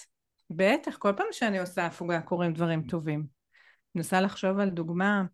אה, אפילו, אה, אפילו התוכנית הכשרה שפתחתי, זה היה ככה באמת בעקבות uh, חופשה, זה, זה הסתובב לי בראש כמה שנים, שיחקתי עם הרעיון וגם המון פנו אליי ושאלו אותי, אה, אם אני, כאילו אנשים שאלו, את מכשירה אנשים, את מכשירה וזה, ואמרתי לא, ו, ואז הייתי באיזושהי חופשה, ופתאום, פתאום נראה לי, למה לא? למה לא בעצם? כן. הניקיון הזה, השקט הזה, הסביבתי, הוא מאפשר לנו אה, למצוא, פתאום יש בהירות. פתאום רעיון שרץ לי הרבה מאוד זמן בראש ואפשרתי לו להיות בלי להתעקש למצוא לו כרגע את התשובה הוא פתאום, פתאום הופך להיות משהו שהוא ברור לנו. נכון, וזה גם שם את הדברים באמת בפרופורציה. אני אמרתי שאני מאוד מאמינה במנוחה, שזה אני לוקחת מה, מהגישה שלי. מנוחה זה לא רגל על רגל, זה מנוחה רגשית. כן. להיות במקום של, רגע, אני לא בעמוד עבודה בסטרס, אלא בעשייה כזאת שיש במנוחה, וגם אני מאוד מאמינה ב, מתוך הגישה שאני הבאתי איתה במשחק. שמשחק זה בדיוק לעשות פעולות לא לשם התוצאות. זה ההגדרה כאילו של המשחק, שזה לא, זה לא על אמת, זה לא למען תוצאה, זה יותר למען התהליך, ויש שם כיף. זה, כן. זה ההגדרה כאילו של המשחק במובן הזה, והמון מהדברים שאנחנו עושים אפשר לקחת אותם לכיוון של משחק. וכשאני נגיד חושבת בוא אני אעשה משהו, ואני מתייחסת לזה במוד משחקי, מקסימום יצליח, ואם לא אז לא. את יודעת, זה כמו שאת משחקת, נכון. עכשיו לשחק אה, לא יודעת מה, לבנות ארמון בחול, כאילו זה באמת משנה? אם זה היה הארמון כן. הכי יציב והכי יפה, מה זה משנה? זה כזה. מעניין אותי לשאול אותך משהו על זה, כי את אומרת משהו על מנוחה, אני לוקחת את זה, מעניין אותי לשאול אותך מכיוון של הורות לעסקים. כי עסקים מרגישים שהם לא, אני איתך לגמרי, אני חייבת מנוחה, זה לא שאלה, אני גם לא חושבת שעסק צריך לנוח רק אם הוא מצליח. אני חושבת שלפעמים דווקא כשדברים לא מצליחים צריך לנוח. אמ, אז לא לקשור את זה לתוצאות אבל מעניין אותי לדעת אני חושבת כאימא אה, איך אני יכולה לנוח רגשית כאימא הרי אני כל הזמן צריכה להיות אימא כל הזמן צריכה להוביל אם לקרוא לזה ככה להיות נוכחת להכיל אה, אז, אז איך אני יכולה לקחת מנוחה במקום הזה ואני שואלת כי אני אני, את יודעת, אני לוקחת מזה הרבה אה, לעסקים, באותה מידה שעסקים אומרים, איך אני יכול לנוח מהדבר הזה שהוא כל כך נוכח ועל הכתפיים שלי ותחת האחריות שלי כל הזמן? מה את אומרת על זה? וואו, יש לי המון מה להגיד על זה. אני מנוחה, נגיד בעיקר של הורים. אמ, קודם כל זה להבין מה נותן לי מנוחה, כי זה לא תמיד יהיה השטנץ של מהו מנוחה. כי יש זה לא תמיד לטוס לחו"ל. בדיוק. או אני זוכרת נגיד שהבכור שלי נולד, כל הזמן אמרו לנו, אתם חייבים לשמור על עצמכם, על המנוחה, על הזוגיות, תצאו פעם בשבוע, ו- וכזה מאז שהוא היה נורא קטן, לקחנו בייביסיטר והיינו יוצאים, וזה מה זה לא היה מנוחה. אני הייתי יושבת שם בסטרס עם הטלפון, הוא התעורר, אה, שאבתי לו חלב, הוא בכה, הוא... איזה מנוחה ואיזה נעליים, זה לא טען אותי וזה לא נתן לי שום מנוחה. והיינו צריכים להבין, נגיד, שלנו הרבה יותר מתאים, נגיד, לצאת ביום שישי בצהריים, בכלל לא בערב. זה הרבה יותר נעים לנו. אז למצוא מה המנוחה שנות, ש, שלי, ובאמת לא דווקא לטוס, וזה יכול להיות גם דברים נורא קטנים. בתקופות שאני מרגישה באמת, נגיד אני אקח מההורות, שמרגישה שאני לא מצליחה לנוח ושיש עומס ואחד הילדים נגיד עובר משהו וגם הילדים שלי הם לא כרטיסי ביקור והם ילדים והם כן. עוברים תקופות. כרטיסי ביקור זו הגדרה מעולה. כן, אז הם לא. ויש לי כמה ילדים נורא רגישים והחיים משפיעים עליהם וכל מיני דברים ונכנסים לכל מיני תקופות. אבל אם אני מרגישה שזה כבד עליי, אז, ואני לא יכולה להרפות, אני לא יכולה פשוט ללכת, אוקיי? אבל אני מחפשת את המנוחה, קודם כל אני שואלת את עצמי כמעט על כל פעולה איתם, האם זה יתרום, האם זה יותר מנוחה בשבילי או יותר עבודה? נגיד, ללכת איתם עכשיו לים. זה כאילו נשמע נורא כיף, אבל אם עכשיו אני כל כך מותשת ולארגן עכשיו מיליון תיקים ואוכל וקופסאות וזה, ואני אלך איתם לים, ואז הם לא יקשיבו לי ואני אצרח עליהם, מה עשיתי בזה? אולי עדיף שנשאר שנייה בחצר פה מתחת לבית, או על יד הבית, ואני אהיה בטוב, ואני לא אתאמץ מדי, וזה בסדר. ארוחת ערב עכשיו אצל חמותי, זה מנוחה בשבילי או שזה עוד עבודה? כן. אז אם זה נותן, עושה לי עבודה, אז, אז תודה רבה, שלום, אני לא באה. כזה. זה לפעמים יהיה להוריד את המוטיבים ששמים עליי עוד עומס, וזה אולי לא יהיה לתת לי מנוחה, אבל זה יהיה להוריד את המוטיבים שכאילו יוצרים לי עומס, עבודה, לחץ. ולפעמים גם אני מאוד אוהבת מושג, ב, כאילו שאני קוראת לו הורות, הורות מינימלית. לפעמים, כן, אני מאוד בעד. שלי, כן, כל המטרה שלי שהילדים יישארו בחיים, שאף אחד לא ימות מרעב, וזהו. אז אני אשכב על הספה, אני אפקיר את שערי לעצמות, שהבדלה שלי תעשה, ידביקו עליי מדבקות, יקשקשו, כל עוד אף אחד לא מת, הכל בסדר, אני על הספה. אני היה לי טריק כשגיא הייתה קטנה ורציתי שקט, אני נורא אהבה להיות באמבטיה. עכשיו להיות באמבטיה זה, אתה צריך להשגיח עליהם, אי אפשר לשים ילד באמבטיה וללכת. נכון. ו- ופשוט הייתי ממלאת לאמבטיה תוך כדי שאני מתקלחת ואז הייתי יכולה להתקלח חצי שעה ברצף היא לא הייתה מפריעה לי הייתה מתעסקת במים ו... כאילו ומצאתי לעצמי את הדרך לנוח ככה בדיוק בדיוק אז אני ממש מתחברת כן זה לא חייב להיות כן. דברים גדולים זה יכול להיות כן. דברים קטנים אז זהו, אז, אז איזה דברים למשל, אני שואלת אותך דווקא בהורות, כי, כי מכאן אני אקח את זה לעסקים. איך, איך אפשר לנוח כאימא? אז קודם כל אמרתי להוריד את הדברים שעושים לי עבודה, כאילו שאפשר, כשיש לי בחירה. אני אבדוק, אני ממש מסתכלת דרך הפריזמה הזאת, זה נותן לי מנוחה, נותן לי עבודה, נותן לי עבודה, תודה שלום, אין עכשיו, כאילו. אמ, אז כזה, הורות מינימלית, ועוד משהו זה גם לפעמים למצוא את ה... לסמן לי רגעים קטנים. לפעמים כשאין כן. לנו כוח, אז אנחנו כאילו איכשהו מתנהלות, ואז צריך לכבות איזה שריפה, אז אני אבוא ואגיד אוף וזה, אבל אז כשרגע הם נסוגים אז אני כאילו הם בעניינים שלהם אני אלך לבשל, לשים כביסה, לשלוח מייל וחלק מהלתת לי מנוחה בתקופות האלה זה רגע לשהות ברגעים האלה לנסות לסמן אותם.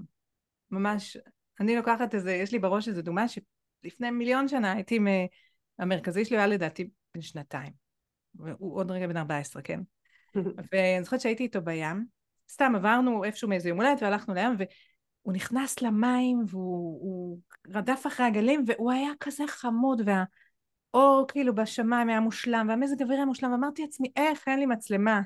אה, איך אין לי טלפון כאילו על העיניים איך אני לא יכולה לצלם את זה? ואז אמרתי לעצמי תצלמי את זה בראש תזכרי תזכרי את הרגע הזה את המים את האל תקשיבי אני עד עכשיו זוכרת את הרגע הזה. זה רגע כן. שכאילו הבאתי את עצמי להיות בנוכחות שמה וזה, ואני זוכרת את הדוגמה הזאת, כי בתקופות העמוסות לפעמים העניין הוא לחפש את הרגעים ש, שהם כאילו בסדר ואנחנו נדפדף אותם, ורגע לנסות שתי דקות, לא עכשיו לשבת להשתפך עליהם, אבל שתי דקות, וואי, הם משחקים פה בהרמוניה, יש שקט. אני לוקחת לעצמי את הנשימה. כן, ואני מצלמת לי, אני מתייקת את הרגע, אני מסמנת, אני אוספת לי את הרגע הזה. כן. ולא מדפדפת אותו, וזה דרך אגב, גם בעסקים, אני חושבת שזה כאילו לחגוג הצלחות קטנות, רגעים קטנים, לא לצפות לדברים הגדולים. זה כל כך ככה. את יודעת, אני אומרת לגבי חופשים, יש לי אפילו פרק בפודקאסט על חופש, אז אני אומרת, מצד אחד, אני בעד לקחת חופשים יזומים, את יודעת, אה, לאו דווקא מעסק, באופן כללי, חופש משפחתי, יש חג, לצאת לחופש וכאלה, ואני אומרת, חוץ מזה, לקחת חופשים במהלך השבוע, אני חושבת שכל עסק צריך להשאיר לפחות יום אחד שבו אנחנו לא מחויבים לכלום, מכיוון שאנחנו מאוד עמוסים בהרבה משימות ובהרבה כובעים, אז אנחנו צריכים קצת יותר חופש מאחינו השכירים, לטעמי, ולכן יום אחד שהוא מה שנקרא, אין בו הגדרה, לא, אני, לא הקליניקה שלי פעילה ולא עסק שלי ולא מקבלת לקוחות, ואני פשוט חופשייה לעשות מה שאני רוצה, ואפילו בתוך היום, לא לתכנן את היום שלי כך שאני עכשיו לצורך העניין שמונה שעות, תשע שעות בעסק, נגיד, נגיד שהילדים שלי באים מהגן בארבע, חמש, אני לא ממלאת את כל היום הזה בעשייה, אלא אני ממלאת אותו בחצי מהזמן, או שני שליש מהזמן, ומשאירה לעצמי הרבה אוויר. וואו, ואני... זה אני מה זה צריכה לקחת וללמוד, אני גרועה בזה ממש. זה אפילו לא, את יודעת, זה כאילו, אני, אני חושבת ש... באמת אני מאוד מקבילה את זה להורות, כי לי, אני לא יודעת איך לך, אבל לי, לי ההורות לא קלה. כי אני מאוד כזו, גם לי לא. אני, לא מרגישה אחריות שלי. רגשית לביטחון שלהן, ל, לאישיות שתצמח מהם, לבריאות שלהם, וזה הרבה פעמים מאוד מכביד עליי, נורא קשה לי להוריד את זה ממני, את האחריות הכבדה לילדות, ו...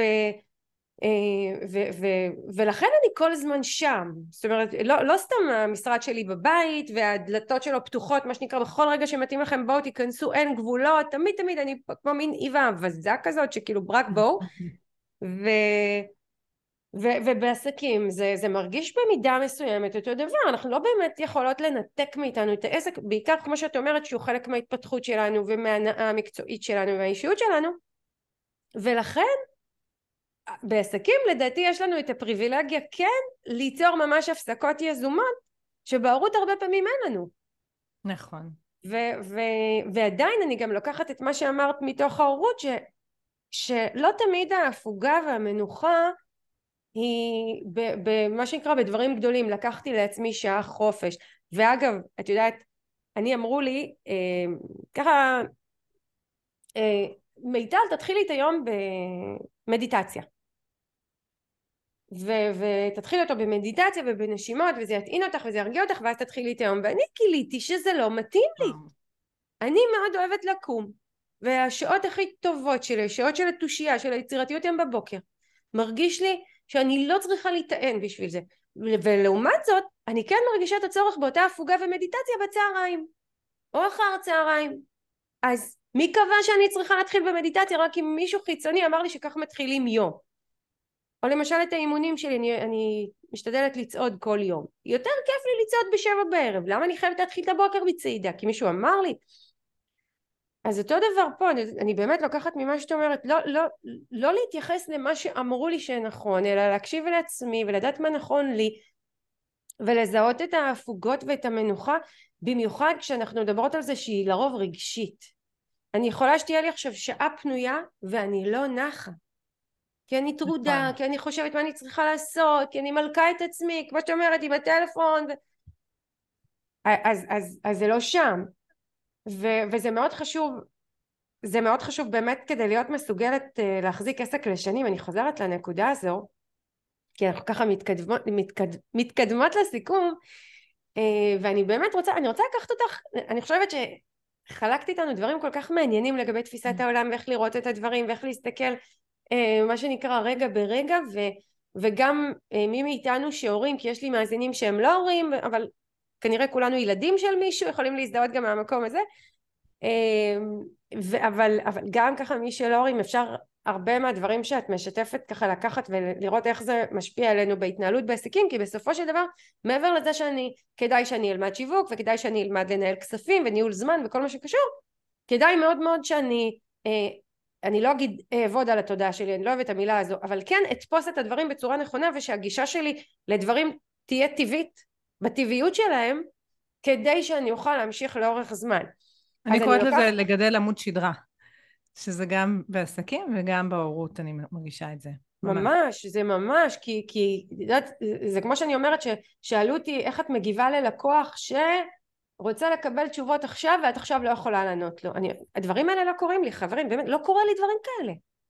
זה לא קורה לי דברים כאלה כי במהות שלי ובהוויה שלי אני לא כזו שמאפשרת את זה ודרך העבודה שלי וההתנהלות שלי היא משדרת החוצה את מי שאני ו, ו, וכשמגיע דבר כזה אז אני גם יודעת לשלוח הודעה ולהגיד זה האתר שלי אפשר לקרוא פרטים ואם מעניין ו, ומה שאני מציעה מתאים אז זה הטלפון של העוזרת שלי אפשר לדבר איתה או לצורך העניין לדבר איתי בימים שאני עניתי לטלפונים אבל אני מציבה גבולות מאוד מאוד ברור וזה בא מתפיסת העולם והאישיות וההוויה שלי ולא להפך לא ללכת ולפתור את הסיטואציות הנקודתיות סיטואציה סיטואציה אלא להבין איך אני צריכה מלמעלה לתפוס את הדברים וגם לא להיות מונעת מפחד נכון נכון ולא לנסות כל הזמן להימנע מהרגשות השליליים תהיינה אכזבות יהיו תסכולים. ואפילו אני אגדיל ואומר, זה לא רגשות שליליים. בתפיסת עולם שלי ובגישה שאני באה ממנה, זה רגשות. יש רגשות שיותר בא לנו להרגיש, ויש רגשות שפחות בא לנו להרגיש, נכון, אבל כל נכון. הרגשות הם שם. הם לא שליליים ולא חיוביים, זה מה שהם, ו- ונגיד אם ניקח את זה בכל זאת להורות, מה לעשות, אני, זה הקטע שלי, כאילו, ילדים גם, אני יכולה להיות האימא הכי מהממת בעולם, וכל היום אה, כאילו לדאוג לעצמי מהילדים שלי לא יהיו מתוסכלים, הם לא יהיו מעצבנים, הם לא, ברור שזה, שהם יהיו. זה לא המטרה שלי, ו- ואני לא אהיה מושלמת אף פעם, זה בכלל לא המטרה שלי, אלא להפך, דווקא אם הם מאפשרים לעצמם להביא את כל הרגשות שלהם מולי, ואני לא נבהלת, ואני יודעת להתנהל מול זה, זה הרבה יותר הצלחה בעיניי, מאשר שהם יהיו כאילו ילדים נורא נורא מיושרים ומתנהגים רק כל, כל הזמן כמו שצריך. נכון. הרבה יותר הבהיל אותי. ובתוך הסיטואציה הזאת, גם אם אני מקבילה להורות, גם לזכור מי אני ומה נכון לי. נכון. יכול להיות שמישהי אחת מתאים לה להיות אימא שהיא מאוד מאוד נוכחת וכל אה, יום אחר צהריים עם הילדים שלה והיא מקדישה לכל ילד זמן בנפרד וכאלה ואני כזו אני אימא אחרת. אני אימא שפחות נמצאת אולי עם הילדים שלי אחד על אחד, פחות נוכחת, אבל מביאה משהו אחר. וזאת האימא שאני. ואותו דבר בעסקים. בטח זה לא רק בסדר, זה כאילו אין טעם להיאבק בזה. נכון, לנסות להיות משהו לא שאת... לא יצ... נכון, ואני יכולה להגיד מהמקום שלי שכאילו, את יודעת, חושבים מדריכת הורים, עובדת עם הורים, איזה מישהי פעם, איזה אימא שליוויתי, אמרה לי, בטח, אני מתבאסת להגיד לך וזה, אבל יש לי ילד אחד ובעלי רוצה נורא כאילו עוד ילד ואני לא רוצה. ובטח את נורא בעד הרבה ילדים, ואמרתי לה, לא, זה מה שאת חושבת, כאילו, מאוד הזדהיתי גם עם הרבה דברים שאת אמרת, גם בשבילי ההורות היא לא טריוויאלית, וזה לא הדבר כאילו הטבעי לי ובא לי בקלות, אני לא איזה עם האדמה ושהכול זורם. אם זה היה ככה, כנראה לא הייתי אפילו בוחרת במקצוע הזה, כי זה היה כל כך פשוט, משהו שהוא נורא זורם, את לא צריכה בכלל להתעכב עליו. נכון. Uh, מתוך הלמידה שלי ומתוך הדרך שלי, זה גם הפך לעיסוק שאני מתפתחת בו, אבל זה כי, כי זה לא משהו שהוא בטבעי שלי. כל האוטומטים שלי הם נורא נורא כזה, כמו שגידלו אותי, נורא כזה התנהגותי, והרבה דברים שאני רוצה שיהיו אחרת, לא תמיד ידעתי איך, זה ממש ללמוד את זה תוך כדי, ו- ולא תמיד בא לי להיות עם הילדים שלי כל הזמן, ו... את יודעת. זה לא תמיד בא לי, אני אומרת האמת, לרוב לא בא לי, יש לי דברים יותר מעניינים, לא מהמקום שאני לא אוהבת ולא כיף לי איתם, אלא לפעמים יותר כיף לי לראות סדרה בטלוויזיה, או לפעמים יותר כיף לי... לראות איתם ביחד. מה? שוס זה לראות איתם ביחד פשוט. כן, לפעמים זה מסתדר ולפעמים לא, לפעמים אני באמת, משהו בעסק שלי מאוד מרגש אותי ונורא מתחשק לי לעבוד עליו, וכאילו, וזה בא על חשבון זה שאני צריכה לעשות משהו אחר. ו- ולפעמים ההפך, לפעמים אני אומרת איזה כיף שיש לי אותן ואת הצורך למה שנקרא להתעסק בהן כי זה מאפשר לי גם אה, דברים אחרים בחיים וגם מעבר, גם התפתחות, ההורות מביאה איתה אני חושבת. ש... אני אומרת שני דברים אה, גרמו לי להתפתח הכי הרבה, אחד זה ההורות, שתיים זה העסק. וואי, לגמרי, כמובן. חותמת על זה. אה, בשתי, ממש. בשתי ממש. זה לגמרי הדברים האלה. אם לוקחים אותם כמקפצה, אז הם יכולים ממש לעזור לנו בדיוק לגדל את העמוד שדרה הזה, ו... ומה שאמרת על הזה של להיות בכנות עם עצמנו ולכבד את מי שאנחנו, זה כל כך חשוב. אה, ואני כל הזמן אומרת את זה להורים שנמצאים איתי, אתם לא צריכים להיות משהו מסוים, זה להבין את ה...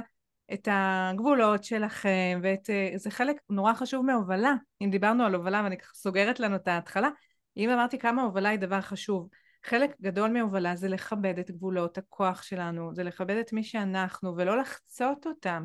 כי כשאנחנו נכון. חוצים אותם, ואפשר לקחת את זה לדוגמה שלך, נגיד מול לקוחות, או מול הילדים, לא יצא מזה משהו טוב, כי זה הופך ל... למה שאני קוראת לו נתינה עם חשבונית. כי אז כבר הבן אדם השני חייב לי.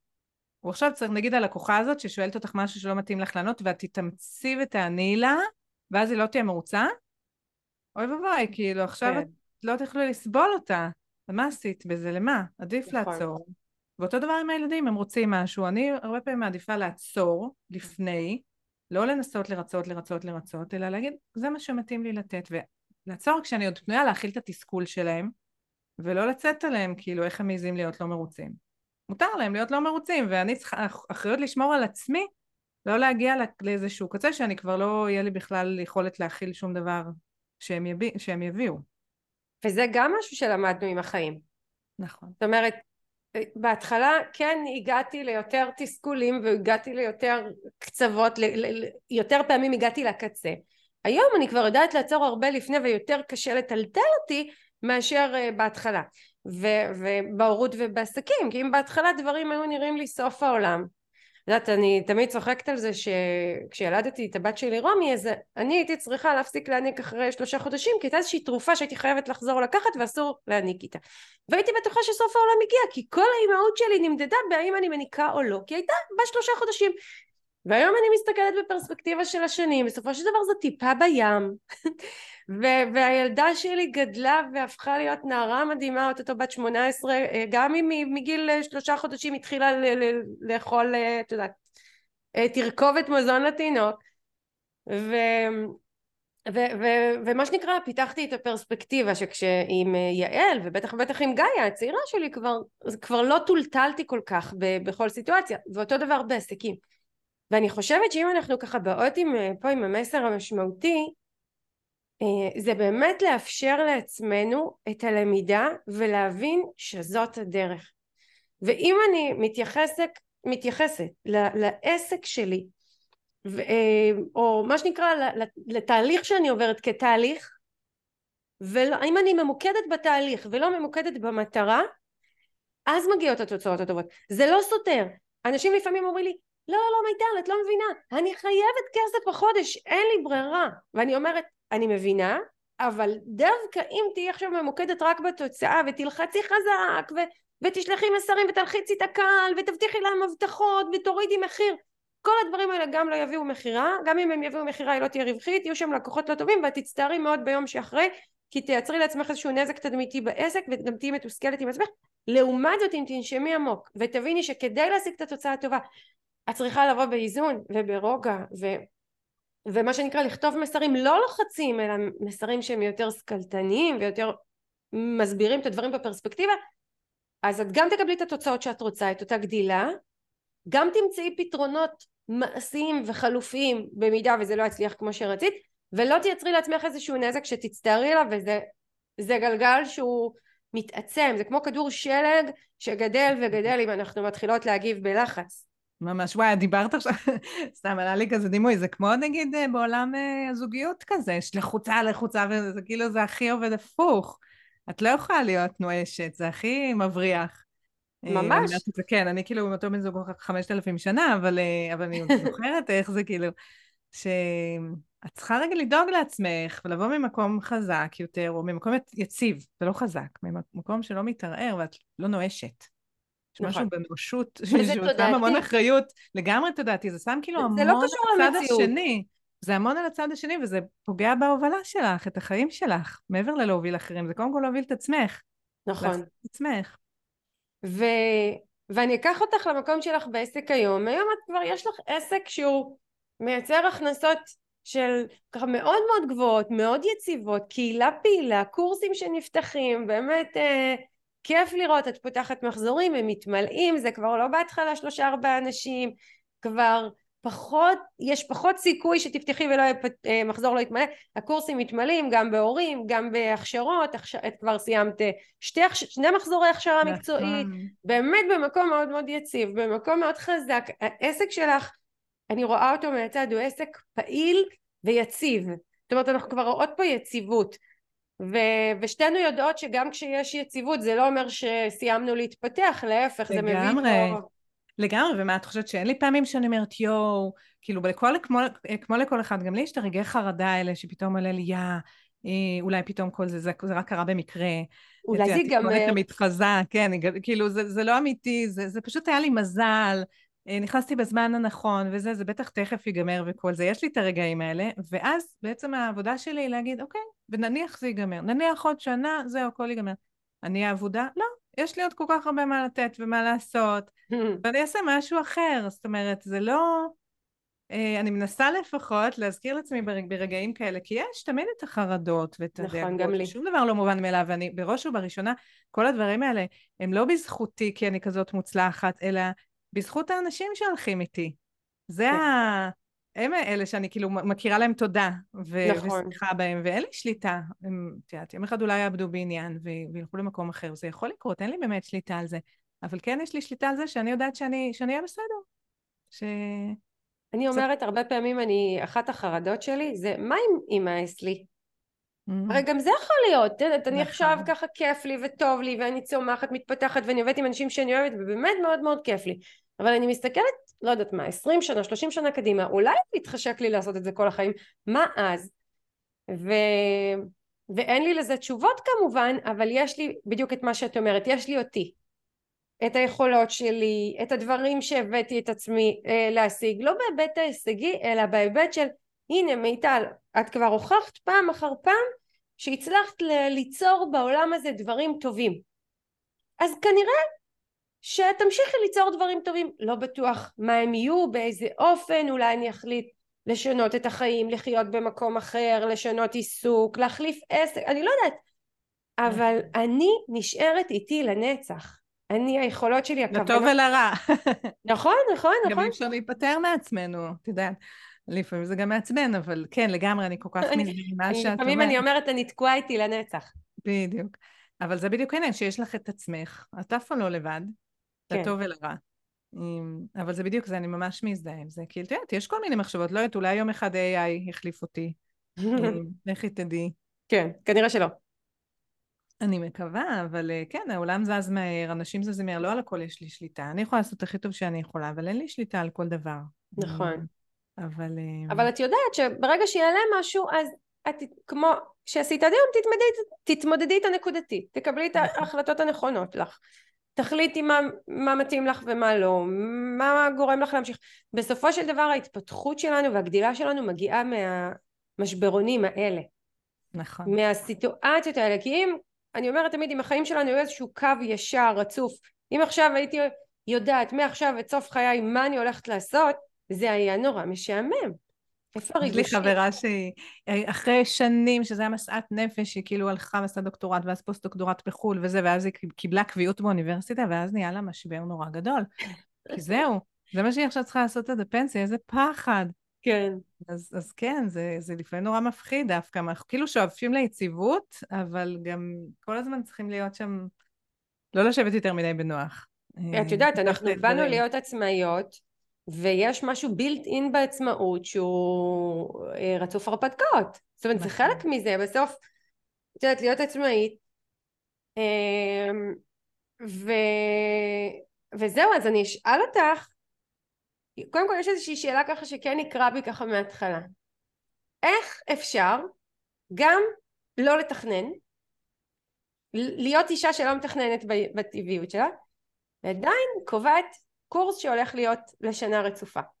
וואו, זה הכי מלחיץ בעולם. קודם כל, עד ההכשרה, כל הקורסים שלי הכי הרבה זמן היו שישה עד שמונה שבועות.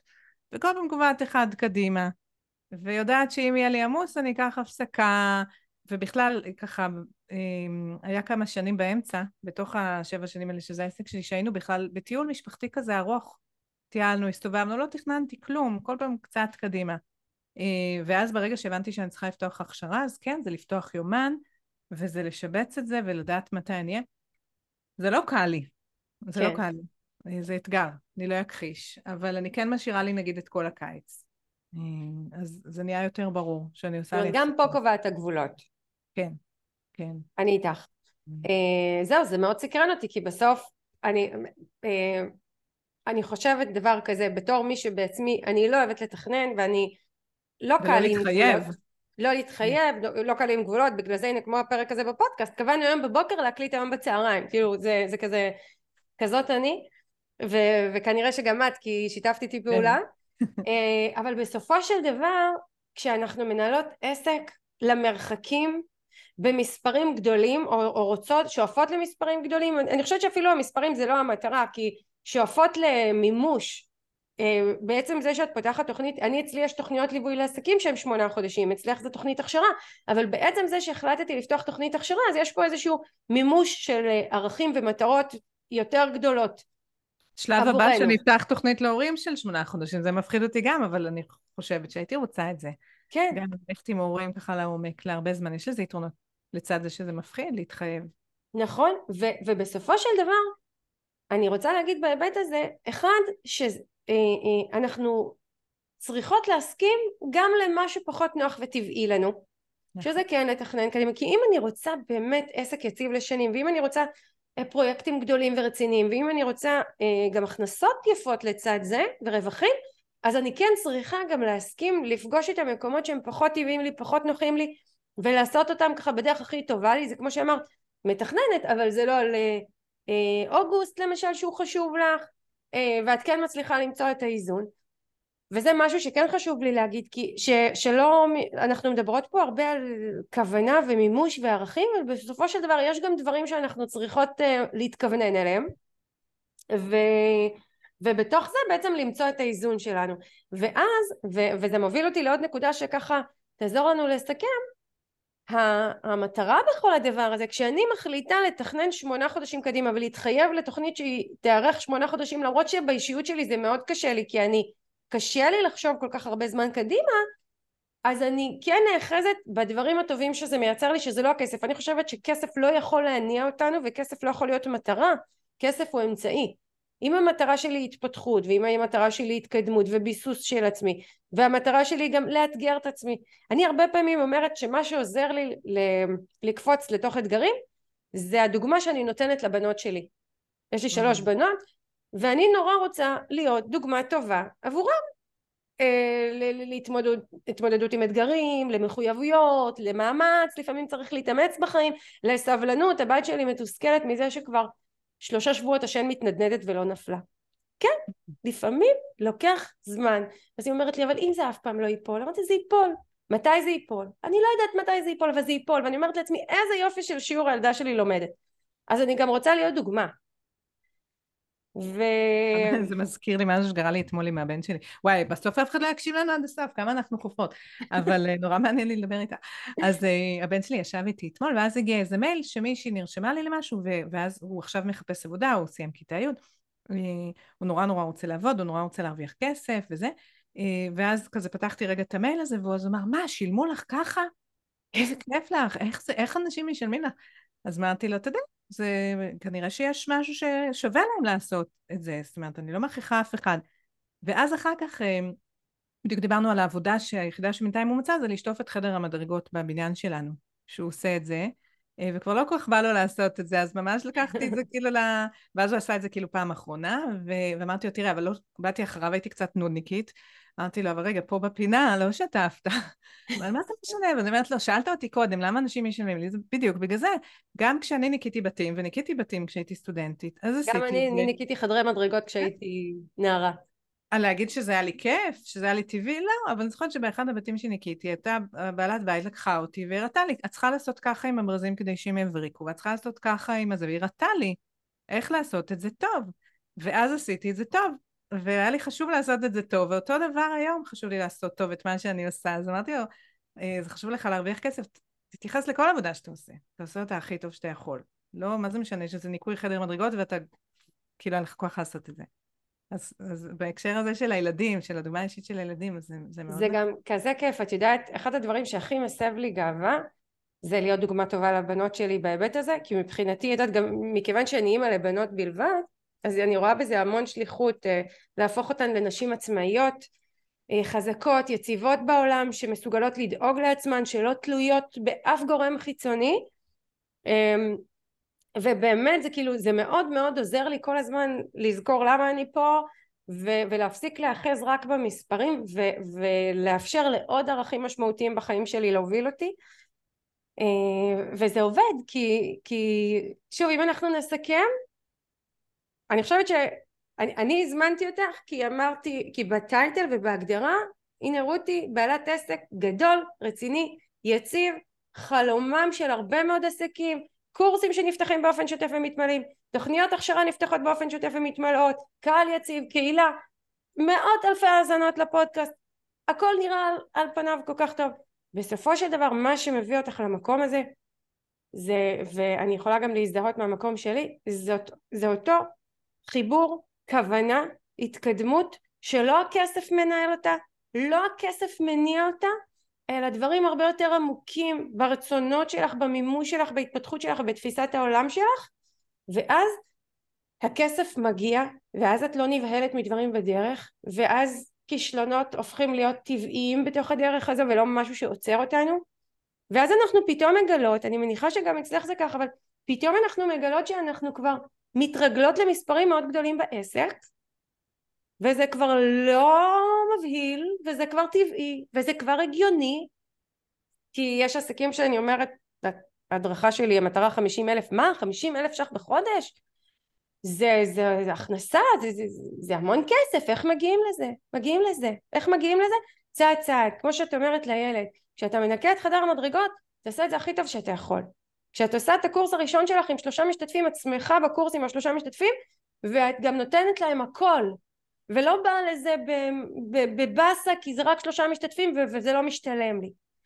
וכשאנחנו מנהלות את העסק בהבנה הזו ובתחושה הזו ובידיעה הפנימית הזו, זה פשוט גדל בהדרגה, בסבלנות, הופך להיות משהו גדול, משהו יציב, משהו טבעי, שלא מבהיל אותנו, אלא אם אנחנו שנייה עוצרות להסתכל על זה, וכן, אז מגיעה החרדה.